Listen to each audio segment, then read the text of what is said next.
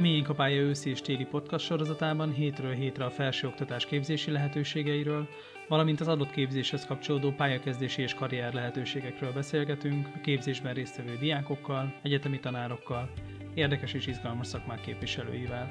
A havi négy alkalommal jelentkező podcast sorozatunkat a H13 Diák és Vállalkozás Fejlesztési Központ támogatja.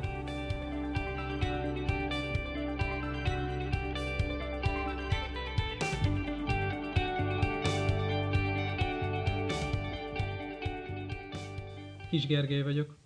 Az adásban az ELTE pszichológia alap- és mesterképzéséről, többek között az elméleti és gyakorlati tudás megszerzéséről beszélgetünk Gyúk Izabellával és Tóth Copik Zsomborral. Szervusztok, üdvözöllek titeket az adásban! Sziasztok! Sziasztok!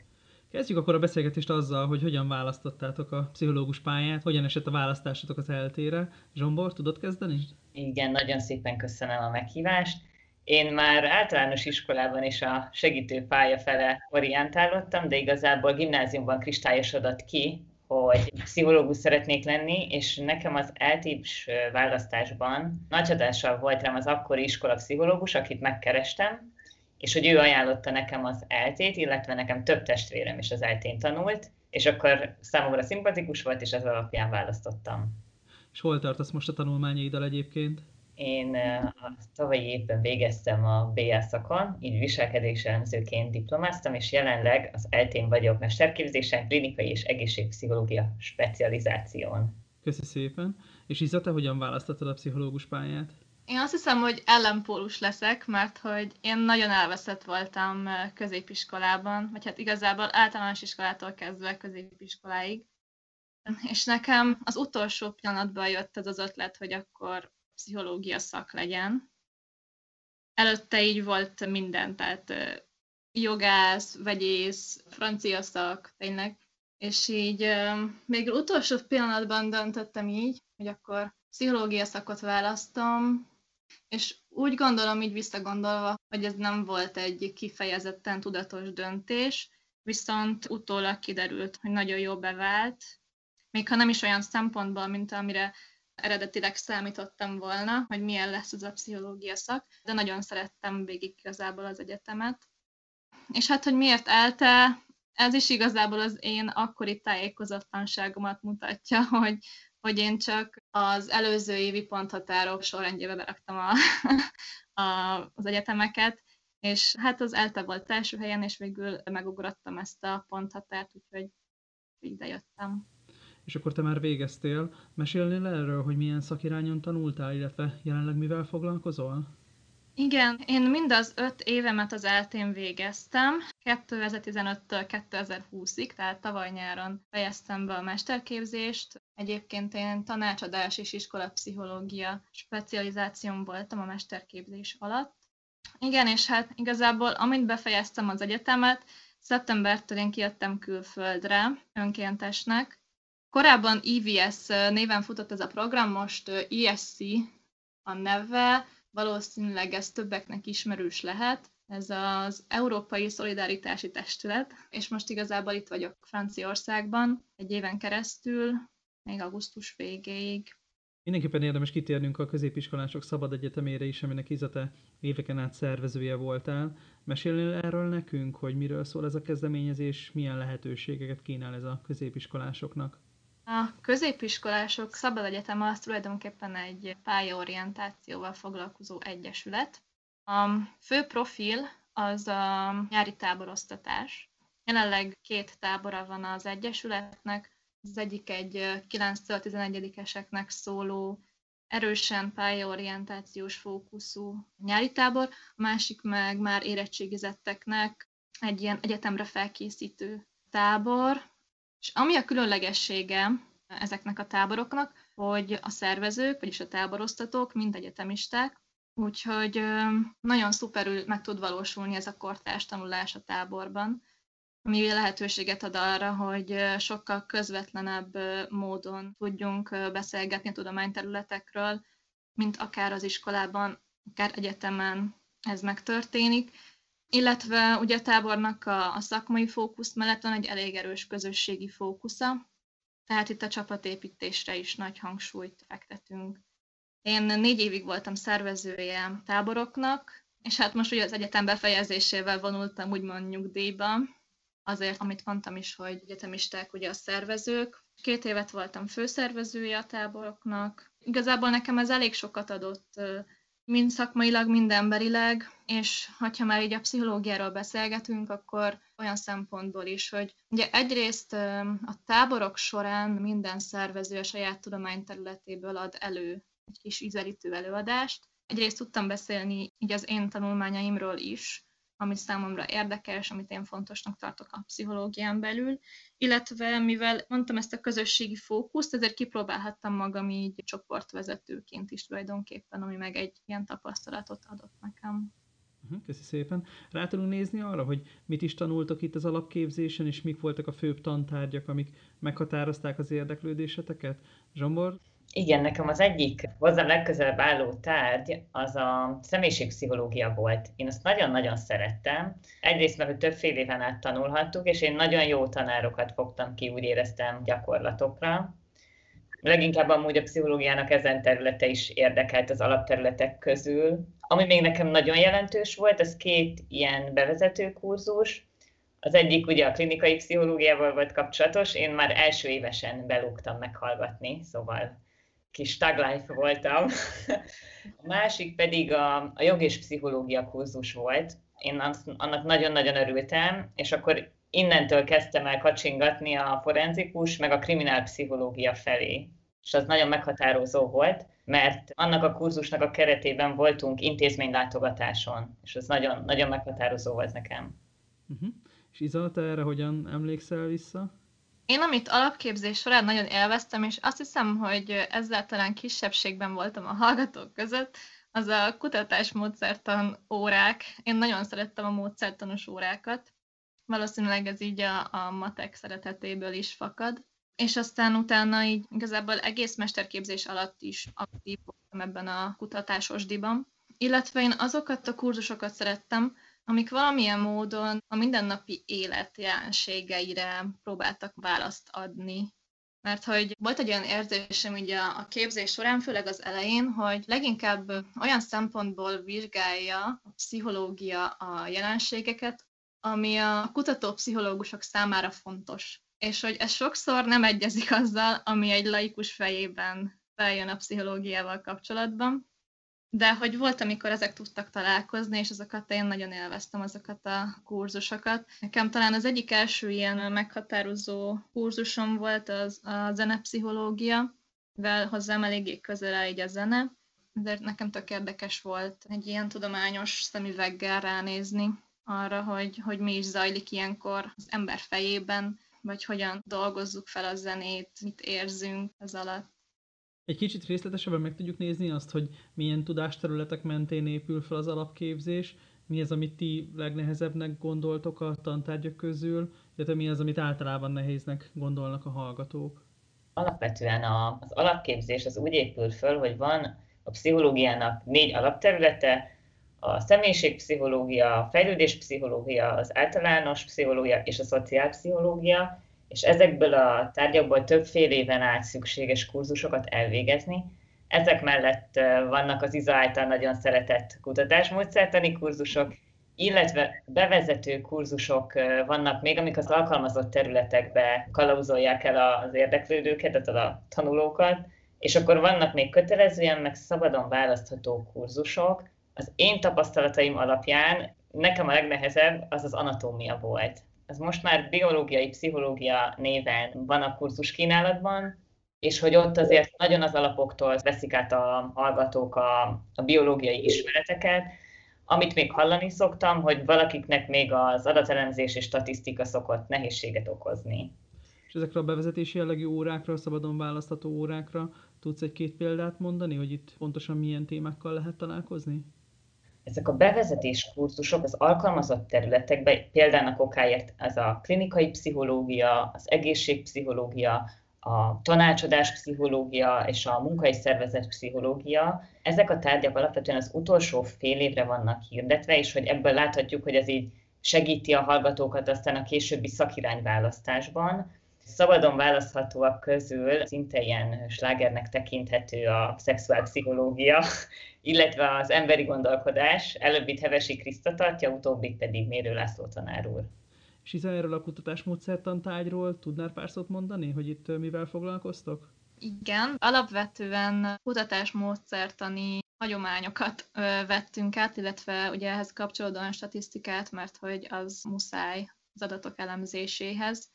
És hát tulajdonképpen olyan módszereket tanultunk, mivel egy-egy jelenséget tudunk vizsgálni. Most akár ha interjúkról beszélünk, hogyan elemzünk interjút, vagy egyáltalán hogyan vesszük fel az interjút, vagy a kérdőíveknek mi a módszertana, hogyan szerkeztünk kérdőívet, hogyan nézzük meg, hogy az valóban jól mére. Ilyesmikre kell gondolni. Hozzuk be mindenképpen a beszélgetésbe az I. és Sándor szakkollégium témáját is, mert hogy mindekettek kötődtök ehhez a szakmai szervezethez. Elmondanátok, hogy miért jelentkeztetek ide az I. és Sándor szakkollégiumba, vagy miről szól ez az intézmény, és itt milyen élményeket, tapasztalatokat szereztetek? Iza? Másodéves voltam, amikor tagja lettem én az I. és szakkolinak. Igazából, ami nekem így először nagyon sokat jelentett a szakkoliban, az maga a közösség volt Azért a pszichológia képzés szerintem szinte mindegy egyetemen, tömegképzés, rengetegen vagyunk, főleg alapszakon, és én sokszor elveszve éreztem magam a sok ember között. És a szakkoli azért adott egy olyan közösséget, ahol észszerű mennyiségű ember volt, akikkel ki tudtam alakítani szorosabb kapcsolatokat. És ugye, mivel ez egy szakkoli, ezért még az a plusz is benne volt ebben a dologban, hogy közös bennünk ez a szakmai érdeklődés. Ja, az így és az azért is szuper, legalábbis az én szemszögemből ez abszolút egy pluszpont volt, hogy nem csak pszichológia szakról vannak ott hallgatók, nem csak más szakokról, hanem még más karokról is. Tehát gyógypedagógusok, tanárisok, pedagógia szakosok, tanító és óvóképzőről hallgatók, szóval egy tök színes szakmai közösség.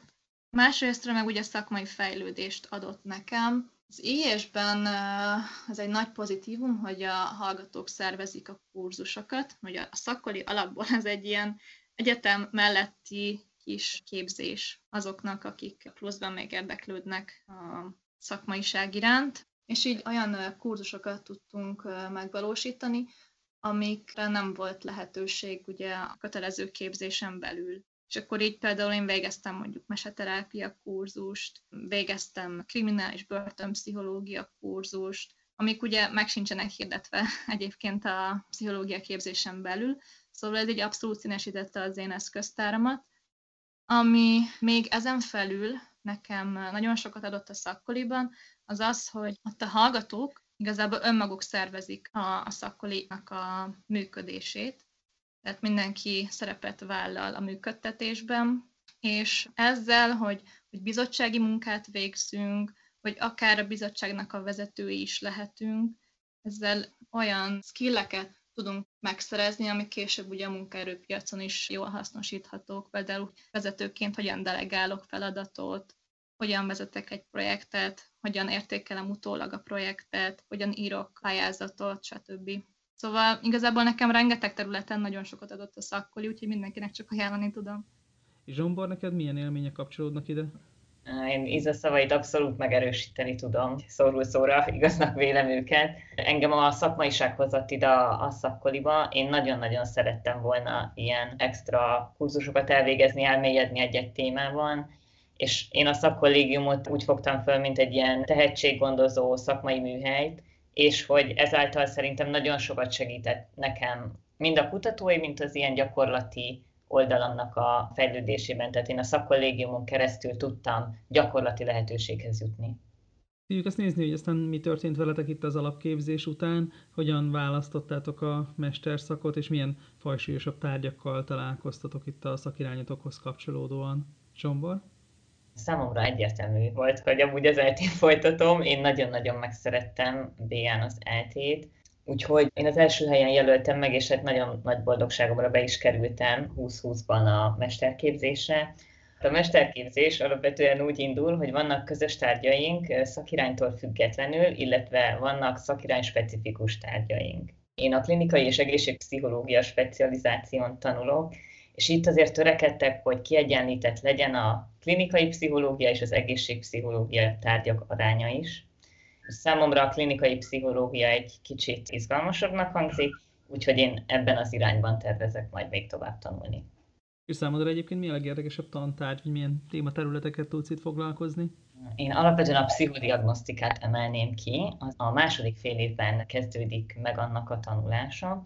Alapvetően a pszichodiagnosztikának a célja más embereknek, a személyiségüknek a minél jobb megismerése, megértése, és hogy ennek érdekében ugye alkalmazunk pszichológiai teszteket, engem leginkább ez van a pszichológiában, hogy olyan eszközöket, tehát hogy ilyen tudományosan bizonyított, statisztikai alapon bizonyított eszközöket tudjunk használni, tehát hogy valid és megbízható tesztjeink legyenek. Úgyhogy én nagyon várom ezeket a kurzusokat. És Izete, hogyan választottad a mesterszakot, és aztán itt milyen tárgyak alakították az érdeklődésedet?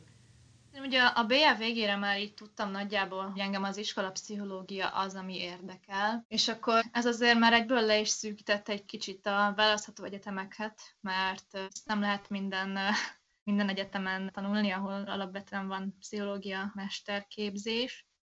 Viszont én is így rendben voltam az eltével, úgyhogy végül én is maradtam mesterképzésre is. És hát igen, úgy indultam neki a, a tanácsadás és iskolapszichológia specializációnak, hogy hát engem leginkább az iskolapszichológia érdekel. Egyébként, ahogy John Bor mondta, így a klinikai és egészségpszichológiához hasonlóan itt is jobbára elkülönülnek a tárgyak, vannak a kifejezetten tanácsadásos kurzusok, illetve vannak az iskolapszichós kurzusok. Igazából annyira elkülönülnek, hogy még külön épületben is voltak év során. Aztán igazából um, én megszerettem a tanácsadást is, úgyhogy amikor végeztem, akkor már úgy voltam vele, hogy mind az iskolapszichológiához, mind a tanácsadáshoz van kedvem a továbbiakban, és hát én abszolút úgy végeztem el a mesterszakot, hogy hogy én minden héten azt éreztem, hogy na, most tényleg van értelme bejárni az egyetemre, valami olyasmit tanulok, ami tényleg érdekel, és aminek hasznát tudom venni a későbbiekben is. Úgyhogy én abszolút pozitívan tudok erről nyilatkozni. Mi az, ami miatt megszeretted egyébként a tanácsadást?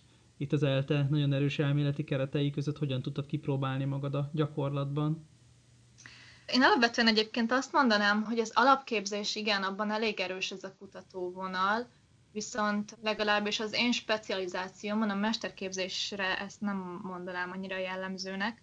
Ott elég erős gyakorlati tárgyaink voltak, és hát egyébként nekem azok a kurzusok adták a legtöbbet, ahol voltak esetmegbeszélések, akár az oktató hozott esetet, akár egy szimulációs gyakorlatot játszottunk el, és azt beszéltük meg utána közösen, akár egy olyan tárgy volt, amihez kellett szereznünk egy klienst, akivel teszteket vettünk fel, vagy interjúztunk, vagy pályatanácsadást tartottunk, tehát ami a kurzusnak a követelménye volt nyilván, és aztán azt beszéltük meg utána a csoportban.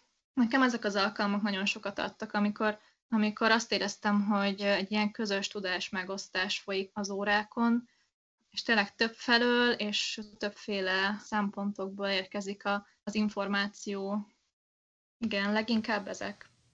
Rá tudunk nézni arra, hogy a szakdolgozat készítése milyen keretek között zajlik az alap, illetve a mesterképzésen. Zsombor, mesélni nekünk arról, hogy neked miről szólt a BR szakdolgozatod, milyen témával foglalkoztál? Alapképzésen nálunk úgy van, hogy vannak kutatási terepgyakorlataink, ahol különböző kutatási részfeladatokat tudunk vállalni, így tudjuk teljesíteni a, azt a kurzust és a hatodik fél évben van lehetőség az egyik ilyen terepgyakorlatot továbbfejleszteni, mert hogy BA-n egy úgynevezett viselkedés elemzői portfólió készül el, aminek a hangsúlyosabb része az egyik ilyen továbbfejlesztett kutatási terepgyakorlati munka.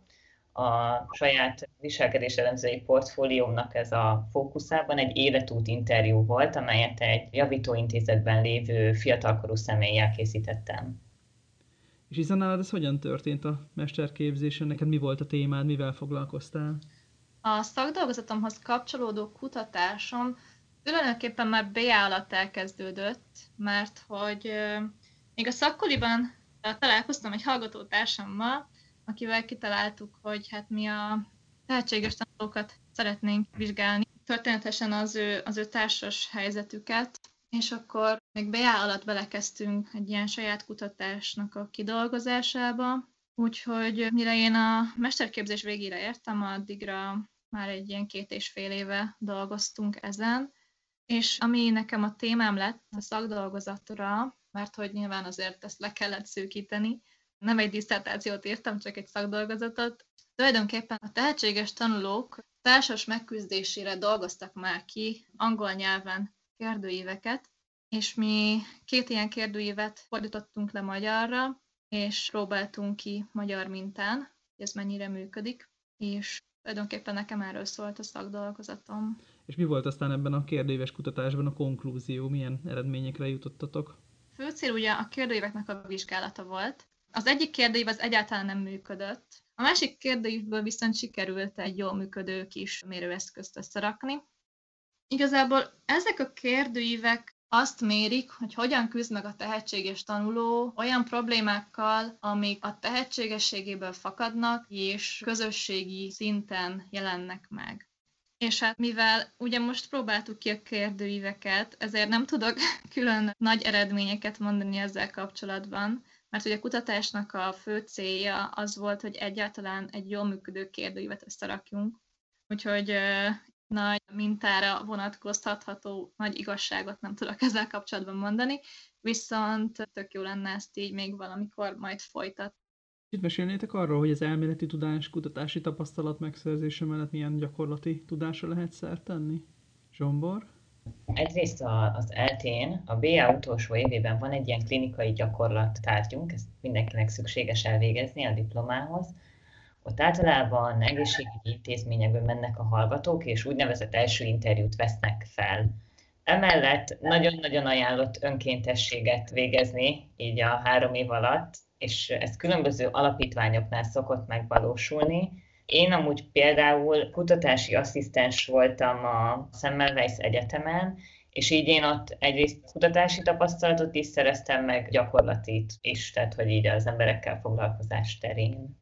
Tehát mesterképzésen lesz egy rövid és egy hosszú gyakorlat, ez majd a diploma megszerzését megelőzően lesz, a második évet követően. Uh-huh. Köszi szépen, és Izata, milyen szakmai gyakorlatra tudtál szert tenni itt az egyetemi képzés során? Hát én is csatlakozni tudok Zsomborhoz, hogy az alapképzés alatt mindenképpen érdemes egyetemen túli önkéntességet is végezni, mert azért az alapképzés az nincsen tele annyira tapasztalati lehetőségekkel, mint a mesterképzésben, ahogy tapasztaltam. Én a kék vonalnál önkénteskedtem egyébként az alapképzés alatt, illetve ugye a Szabad Egyetemnél, amit már említettem korábban.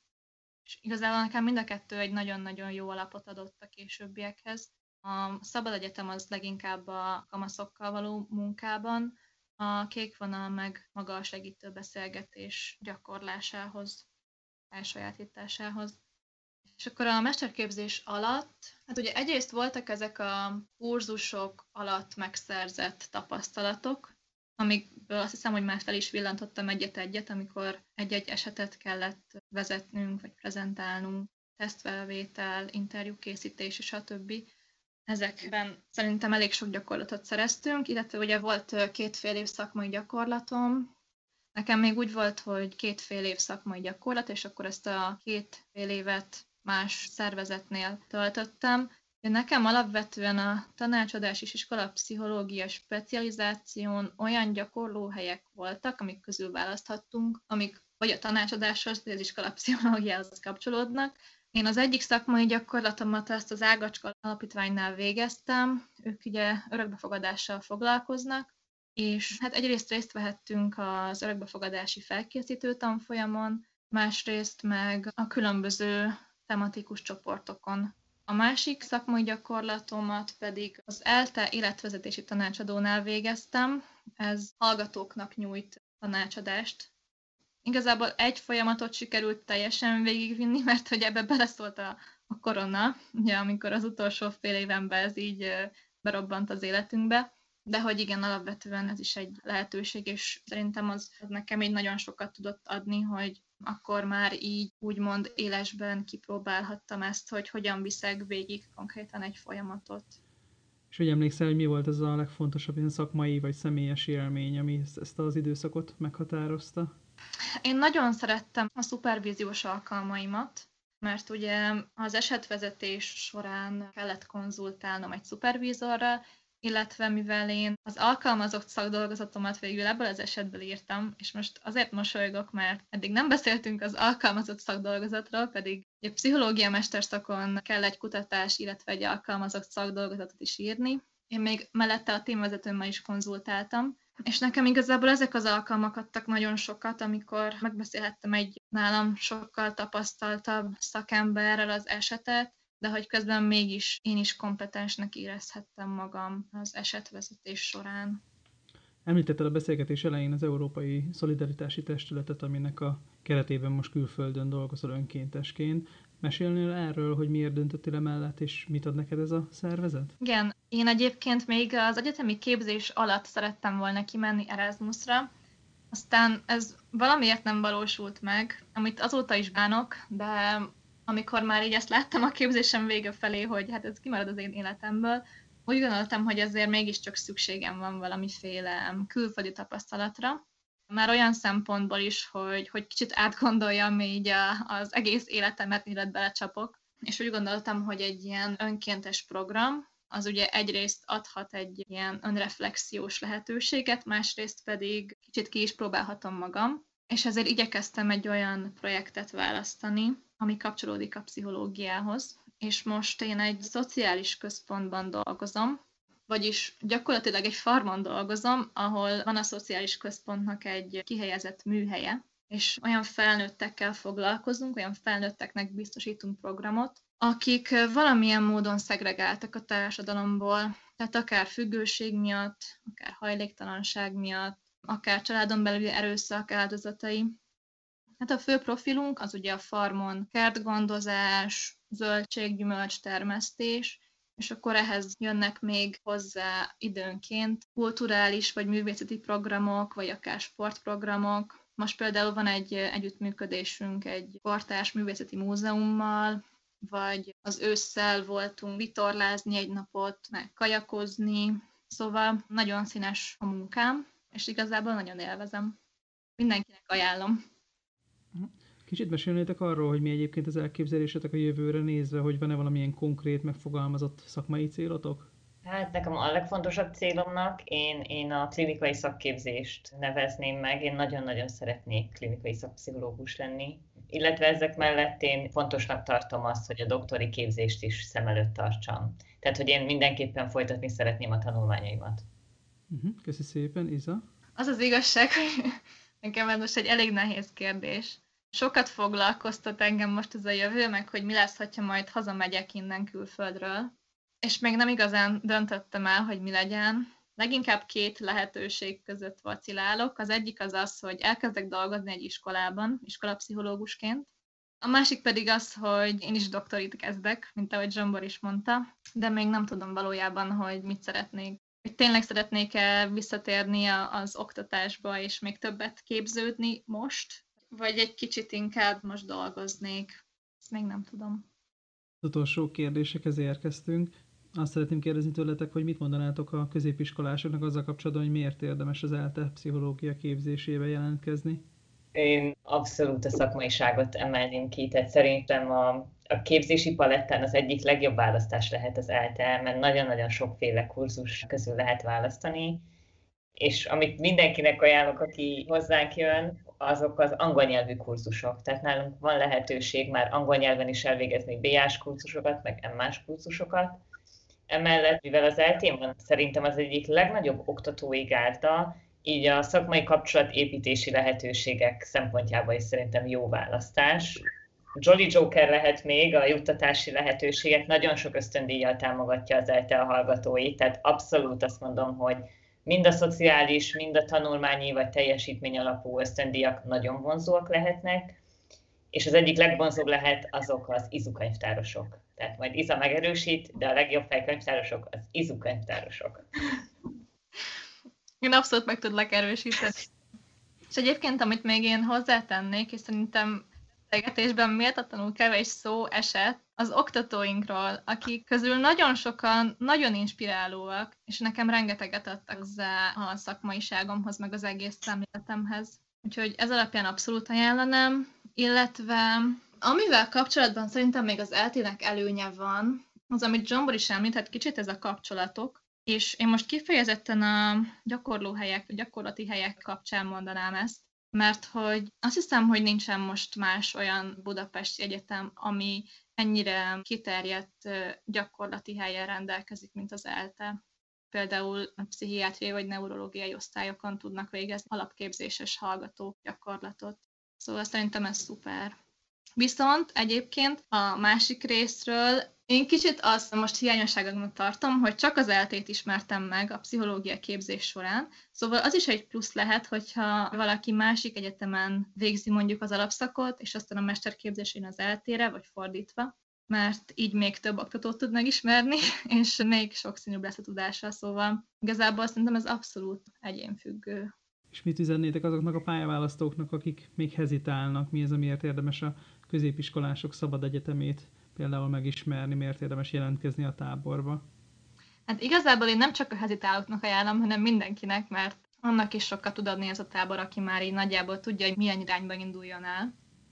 Leginkább amiatt ajánlom, mert itt tényleg be tud ülni olyan előadásra, amiről azt gondolja, hogy ez biztos, hogy érdekli őt, és bele tud kóstolni olyan tudományterületbe, ami a szívéhez közel áll, meg olyanba is, amiről talán nem gondolná, de aztán kiderül, hogy mégis. Szóval ez meg tud erősíteni egy döntésben, illetve segíteni is tud a döntés meghozásában, illetve szerintem közösségileg is, hogyha nem veszük ezt a szakmaiságot, akkor egy szuper nyári élmény, vannak olyan táborozóink, akik leginkább a nyári tábor élmény miatt jönnek, vannak, akik inkább a tanulás miatt, de hogy úgy veszük észre, hogy mind a két térfélnek sikerül megtalálnia egyrészt a, másikban a szépséget és a, az örömöt, másrészt pedig a saját helyét a táborban. Úgyhogy én ezt mindenkinek tudom ajánlani. És én ennek kapcsán ajánlanám a februári eseményt, ahol a pszichológiai alapszakokról fogunk mesélni. Mind a hat egyetemről lesznek alapszakos hallgatóink, és február 1-én lesz a Pszichológus leszek pszichológia alapképzések címmel, és ott nagyon sok szeretettel várunk mindenkit. Ezzel próbáljuk segíteni a felvételizőket az idei szezonban. Nagyon szuper, köszönöm, hogy megosztottátok ezt a két programot, és köszönöm mindkettőtöknek a beszélgetést. Köszönöm szépen! Köszönjük, hogy itt lehettünk! Az adásban vendégem volt Gyuk Izabella és Tóth Szopik Zsombor, akikkel az ELTE pszichológia alap- és mesterképzéséről beszélgettünk. Várunk titeket a jövő héten is. Ha tetszett a műsor, iratkozzatok fel a Facebook oldalunkra, terjesszétek a műsorainkat egy-egy lájkkal, vagy egy Facebook megosztással, hogy minél többen megismerhessék a szakmák világának lehetőségeit.